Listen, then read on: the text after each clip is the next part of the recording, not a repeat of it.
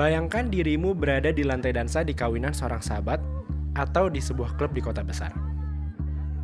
Lalu, lagu favoritmu diputar. Entah itu indie pop, atau jazz. Kepalamu bergerak mengikuti beat, begitu pula kaki dan tanganmu.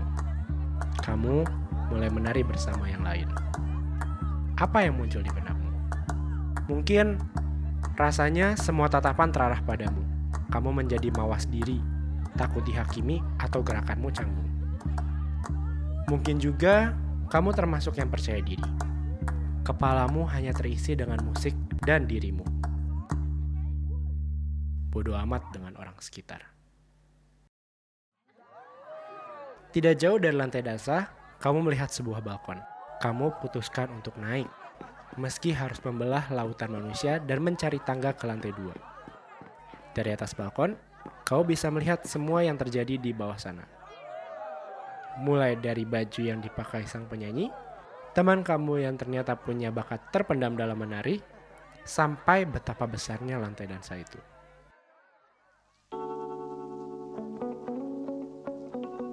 Kebanyakan di antara kita menjalani hari-hari di lantai dansa.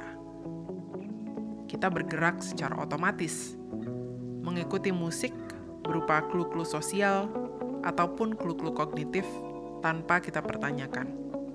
Baik itu ketika memproses berita, berinteraksi dengan anggota keluarga, atau mengomentari dan menghakimi orang lain.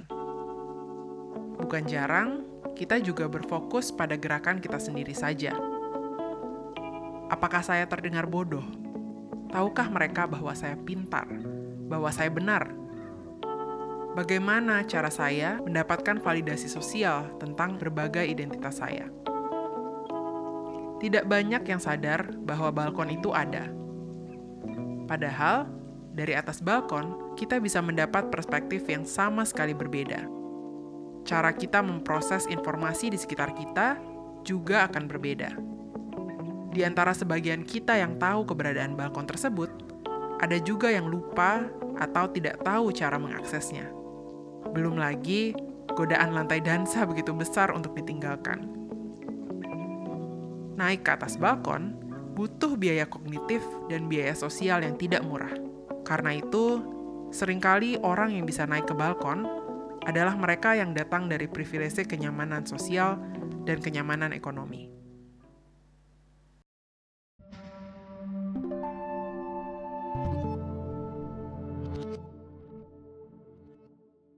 Selamat, datang di The Balcony, sebuah podcast di mana kita akan memproses isu-isu penting di sekitar kita dari atas balkon. Walau kadang kami juga senang turun ke lantai dansa.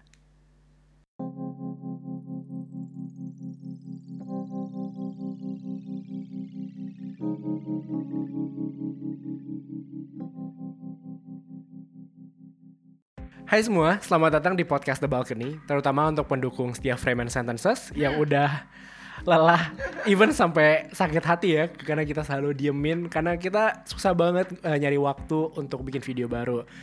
Nah, untuk menebus dosa kita gitu. Kita pengen bikin frame and sentences tapi versi audio karena biar kalian juga kalau misalkan mau dengerin sambil di mobil atau sekarang lagi social distancing ya sekarang lagi bulan Maret itu kalian bisa dengerin dari HP kalian biar nggak ngabisin kuota kalian. Bener banget dan sama kayak versi video di FNS kita juga ingin di podcast ini bahas isu-isu sosial, isu-isu politik yang terjadi di sekitar kita dalam kerangka berpikir yang lebih kritis dan analitis gitu. Hmm. Jadi kita pengen nawarin untuk ngelihat isu tuh big picture gitu ya. Jadi terutama isu-isu yang kontroversial di mana orang biasanya ngambil kubu ada apa polarisasi gitu ya orang yang ngambil kubu A kubu B gitu seperti FNS biasanya kita ingin kasih lihat kalau selalu ada jalan tengah atau cara pandang lain, cara pandang yang baru dalam memproses suatu berita atau kejadian tersebut. Hmm, oke okay, oke. Okay. Mungkin kita bisa cerita dulu ya, kenapa analogi balkon ini yang kita gunakan untuk podcast kali ini. Jadi ceritanya waktu aku master dulu, ada sebuah kelas adaptive leadership atau pemimpinan adaptif gitu di kelas ini dosennya Ronald Heifetz punya analogi ini nih balkon basically oh. naik ke atas balkon. Jadi dia bilang orang yang bisa melakukan tugas kepemimpinan atau exercising leadership itu adalah seseorang yang harusnya kalau bisa naik ke atas balkon karena that way dia bisa melihat nih semua yang terjadi di atas uh, lantai dansa tadi ya kita Yeah. pakai perumpamaannya supaya dia dapat gambaran yang lebih utuh dan tidak terbawa emosi ketika dia merespon terhadap suatu masalah gitu. Jadi sampai sekarang aku suka banget analogi ini gitu karena sim- simple gitu ya, gampang dimengerti karena ya kita naik atas balkon kita bisa ngeliat big picture gitu. Intinya sebenarnya sesimpel itu.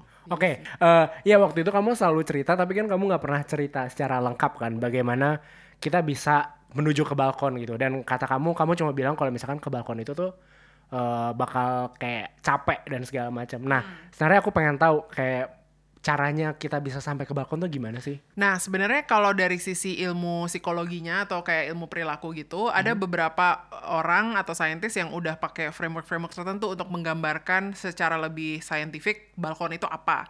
Contohnya yang kita sering banget obrolin juga, yang buku Daniel Kahneman uh, Thinking Fast and Slow itu, sebenarnya kan dia menceritakan tentang bah- bagaimana otak manusia itu terdiri dari sistem 1 dan sistem 2. Di mana sistem 1 simpelnya adalah tadi berada di atas lantai dansa dan sistem 2 adalah berada di atas balkon.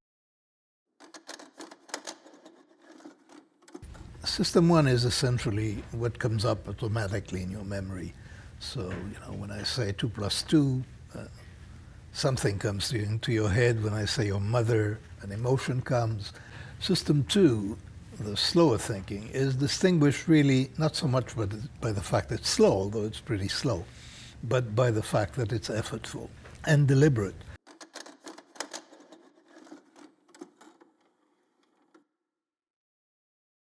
Kalau ditanya caranya gimana sih sebenarnya pertama tadi yang kita bilang di pembukaan harus sadar dulu bahwa balkonnya ada. Jadi harus sadar bahwa ada nih sistem 2 gitu.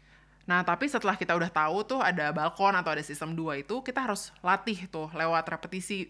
Jadi kita misalnya ngelihat isu uh, baru kita coba bahas dengan menggunakan sistem 2. Kita coba buat supaya sistem 2 itu terulang-ulang sedemikian sering sampai jadi muscle memory dan malah kita terbiasa pakai sistem 2 seolah-olah sistem 2 tuh udah jadi sistem 1 gitu. Nah, teori yang kedua ada juga yang disebut sebagai Kagan's atau Keegan Stages of Development. Right. Ini tuh Kigen yang apa namanya di SNL bukan sih? I knew it, kamu pasti bakal bikin joke itu. Uh, pertama bukan SNL, itu Eh, dia uh, Comedy Central. Iya, Comedy Central. Terus kedua bukan, jadi ini beda lagi. Uh, jadi kalau Keegan ini dia kayaknya scientist gitu, dia bilang ada lima tahapan perkembangan otak manusia gitu. Bukan ot- otak aja sih, tapi kesadaran manusia gitu. Jadi yang pertama itu dia menyebutnya impulsive mind, yang kedua instrumental mind, yang ketiga socialized mind, yang keempat self-authorizing mind, sama yang kelima self-transforming mind. Dan intinya berada di atas balkon ini tuh kayak berada di stage 5 ini sih kalau aku gampangnya gitu. Jadi Right. udah uh, ada di level self awareness yang paling kompleks. Udah dewa ya kalau ke mimim itu tuh yang, Iya, yang bener-bener, kayak bener. kepalanya paling terang gitu Iya, kan. iya, iya, yang iya, aku tahu kamu ngomongin apa. Nah, jadi ceritanya yang pertama dulu ya aku bahas nih ya. Yang pertama ini adalah ketika kita masih bayi. Jadi kita adalah impuls-impuls kita, simpelnya. Jadi ketika kita ingin minum, ketika kita kepanasan, ketika kita ingin pup gitu, em, itu kita nangis aja. Maksudnya sebagai bayi kita nggak banyak pikir, kita nangis, kita butuh semua eh, impuls-impuls itu terpenuhi. Baru ketika kita masuk ke periode apa ya anak kecil, teenager gitu, kita mulai terbentuk nih apa ya needs uh, atau desires atau interest gitu ya. Kita mulai pengen punya poster penyanyi favorit, pengen punya apa sih kalau apa Yang lebih kompleks gitu ya permintaannya. Iya lebih kompleks kayak pengen barang, pengen apa gitu. Yang dia sebenarnya kalau nggak dipenuhi masih bisa, tapi dia akan na- nangis gitu. Maksudnya nggak kayak bayi yang benar-benar impulsif gitu kan. Nah baru ketika memasuki stage orang dewasa, sebenarnya stage orang dewasa ini dibagi jadi tiga gitu ya. Tadi yang pertama tuh yang socialized mind. Nah socialized mind ini adalah sebenarnya kebanyakan orang kalau menurut aku ya. Ini nggak scientific sih, tapi kalau aku ngelihat Right. orang-orang nih kebanyakan orang uh, berada di level 3 ini di mana mereka tuh mikirin banget apa yang orang lain bilang. Jadi mereka self conscious gitu ya. eh iya dan eh, apa namanya benar-benar dengerin apa yang orang lain bilang sih intinya nggak punya keinginan sendiri gitu. Oh, that's why kenapa kita lebih dekat sama temen sama daripada orang tua gitu gak sih? Kayak kita lebih dengerin apa kata orang lain daripada Mungkin, mungkin itu orang-orang yang ada di level 3 ini ya. Karena intinya dia ngelihat ada social norms di sekitar dia. Mungkin beyond orang tua. Benar juga, kalau orang di luar eh, rumah tuh punya kelompok sosial gitu yang punya normsnya sendiri, punya judgementnya sendiri. Mereka ingin fit in di tempat-tempat tersebut. Makanya eh, kita mulai pengen fit in di sekolah, pengen fit in di tempat kuliah, pengen fit in di mana lagi sih? Ya, gitulah. Kita ingin fit in gitu. Jadi pertanyaannya adalah how do I succeed in other people's eyes gitu. Kita mulai self-centered but as part of a community.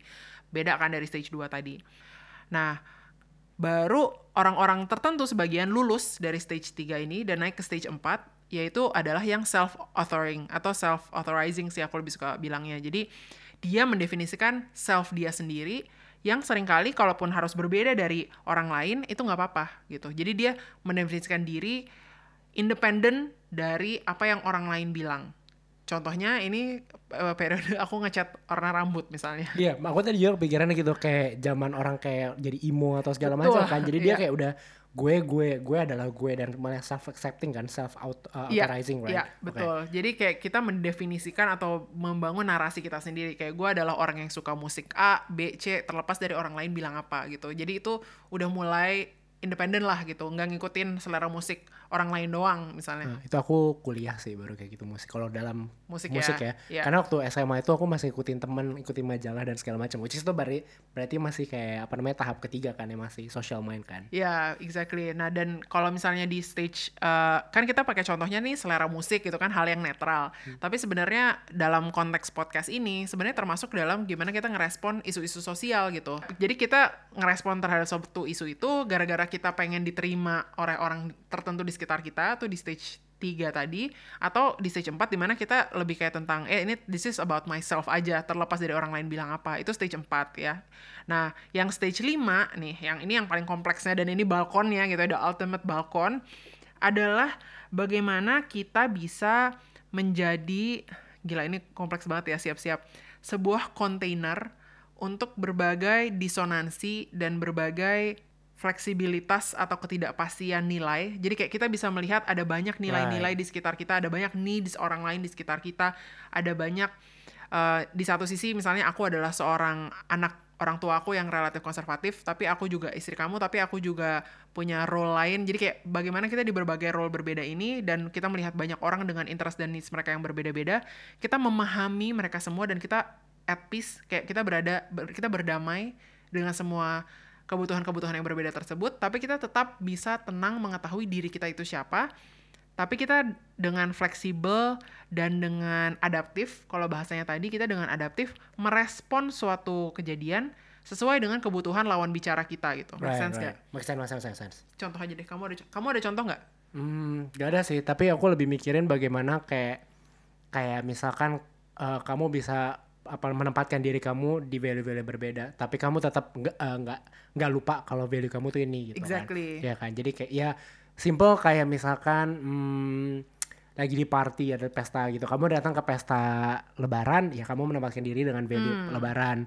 Kalau misal kamu lagi di pesta di bar, berarti ya kamu menempatkan itu. Tapi sebenarnya kayak misalkan aku misalkan value-nya aku nara anak rumahan gitu ya udah berarti aku harus ingat kalau ya emang aku lebih nyaman di rumah gitu gak sih kayak Iya, jadi simpelnya tuh kita berdamai dengan cognitive dissonances ini dengan kontradiksi-kontradiksi value yang kadang-kadang kita harus contain at the same time, tapi tidak secara fake, tapi dengan adaptif gitu ya. Kita beradaptasi lah dengan perbedaan-perbedaan ini gitu. ya in a way udah jadi dewa lah ya udah udah kayak Iya. "Oh," Exactly, gitu. which udah is- udah angelic banget gitu Which is kan. susah banget dan gampangan di ga- lebih gampang diomongin kan. Maksudnya aku bisa ngomongin nih kayak oh ya aku uh, kadang-kadang bisa ada di stage 5. Oh ya tadi that's another part of it. Jadi kita nggak selalu uh, secara permanen bisa ada di stage 5 all the time karena kita bukan dewa all the time dong gitu. Iya. Ketika kita lagi ada di situasi misalnya kita agak sedih atau kita uh, emotionally lagi nggak kuat juga if you want to put ourselves at the center kayak kita mikirin self interest dulu ya perfectly fine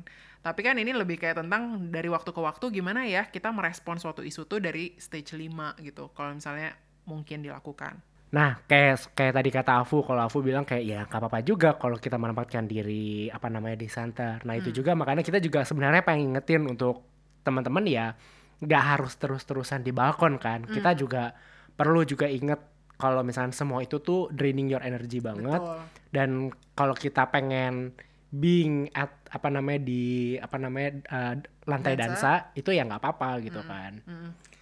Iya dan yang penting tuh lebih ke bahwa kita tahu balkonnya ada. Jadi from time to time kalau memang kita perlu memikirkan kayak intervensi kita yang baik supaya kita kritis dalam melihat isu tuh kita bisa naik ke balkon sekali-sekali gitu. Tapi tentu nggak semua orang de- tadi bahasa kamu dewa gitu ya bisa selalu kritis kayak begitu dengar suatu berita langsung kritis gitu. Langsung kritis all the time. Tentu enggak gitu kan. Kayak pasti kita ada impuls yang awalnya banget dulu apa gitu tapi this is more about taking a step step back gitu ya kayak mungkin kamu narik napas dikit terus untuk melihat ini apa sih maksudnya misalnya informasi ini kenapa sih orang ini nge-trigger gue kenapa sih dia ngomong kayak gini bikin gue marah atau bikin gue Right. ngerespon in a certain way gitu jadi lebih tentang kita menikmati berdansa from time to time tapi kita tahu ada balkon di atas sana yang bisa kita pakai from time to time Oke. Pertanyaan, kita lebih baik kita biasa tahu kalau kita selalu di balkon dan inget ada lantai dansa atau kita ada di lantai dansa dan inget selalu ada balkon? Secara evolusi dan secara psikologis selalu yang kedua sih. Selalu kita bakal defaultnya ada di lantai dansa. Karena kalau Kahneman bahasanya 95% dari otak kita tuh emang didesain untuk sistem satu. Untuk kita secara impulsif punya respon impulsif terhadap sesuatu. Dan itu memang secara evolusioner juga penting. Kayak misalnya kalau ada eh, zaman dulu ya bayangin manusia purba gitu ngelihat ada kresek-kresek di bush gitu di kresek-kresek di semak-semak of course kita harus ngerespon impulsif dengan langsung lari karena takut itu singa gitu. Kalau misalnya kita dulu defaultnya sistem 2, Hmm, itu apa ya? Exactly. Sepertinya. Kita ke balkon dulu. Mari kita akses kita akses semua kemungkinannya berapa persen gitu. Itu keburu mati kalau itu singa beneran. Jadi karena itulah di otak kita emang kita tertanamnya untuk impulsif dulu which is good for us sebenarnya karena itu protektif terhadap uh, emosi kita, psikologis kita gitu. Cuma this is more about um, supaya ketika kita melihat suatu isu tuh kita bisa produktif, solutif juga. Itu naik ke balkon juga tentang menemukan solusi ya sebenarnya. Ini yang dari tadi kita nggak bahas. Jadi bukan cuma melihat isunya, tapi dengan naik ke balkon kita bisa lihat nih, oh sebenarnya solusinya tuh ada di sebelah pojokan sana loh, yang kalau kita di lantai dansa kita nggak kelihatan. Right, oke oke oke. Oke, em, sepertinya ya mungkin untuk episode 0 ini kita bakal ngomongin itu aja. Jadi background story kita apa, segala macam dan moga-moga karena versi audio harusnya sih bisa editing lebih cepat ya. Moga-moga dan kita juga berusaha untuk bisa teruslah bisa apa namanya bisa ngasih sesuatu untuk kalian gitu. Karena dari kemarin tuh kita berdua yang selalu marah-marah doang gitu kayak selalu diskusi berdua gitu dan aku selalu berpikir kayaknya seru deh kalau kita bisa sharing diskusi kita gitu. Jadi untuk kalian semua, terima kasih sudah mendengarkan episode 0 ini. Nanti kita akan bertemu lagi di kuping kalian. Atau apa ya, closing yang enak apa ya? Em, sampai jumpa di balkon balkon selanjutnya. Bisa? Oke, gitu aja kali ya. Oke, sampai, jumpa, di balkon, selanjutnya. Bye, Bye guys. guys.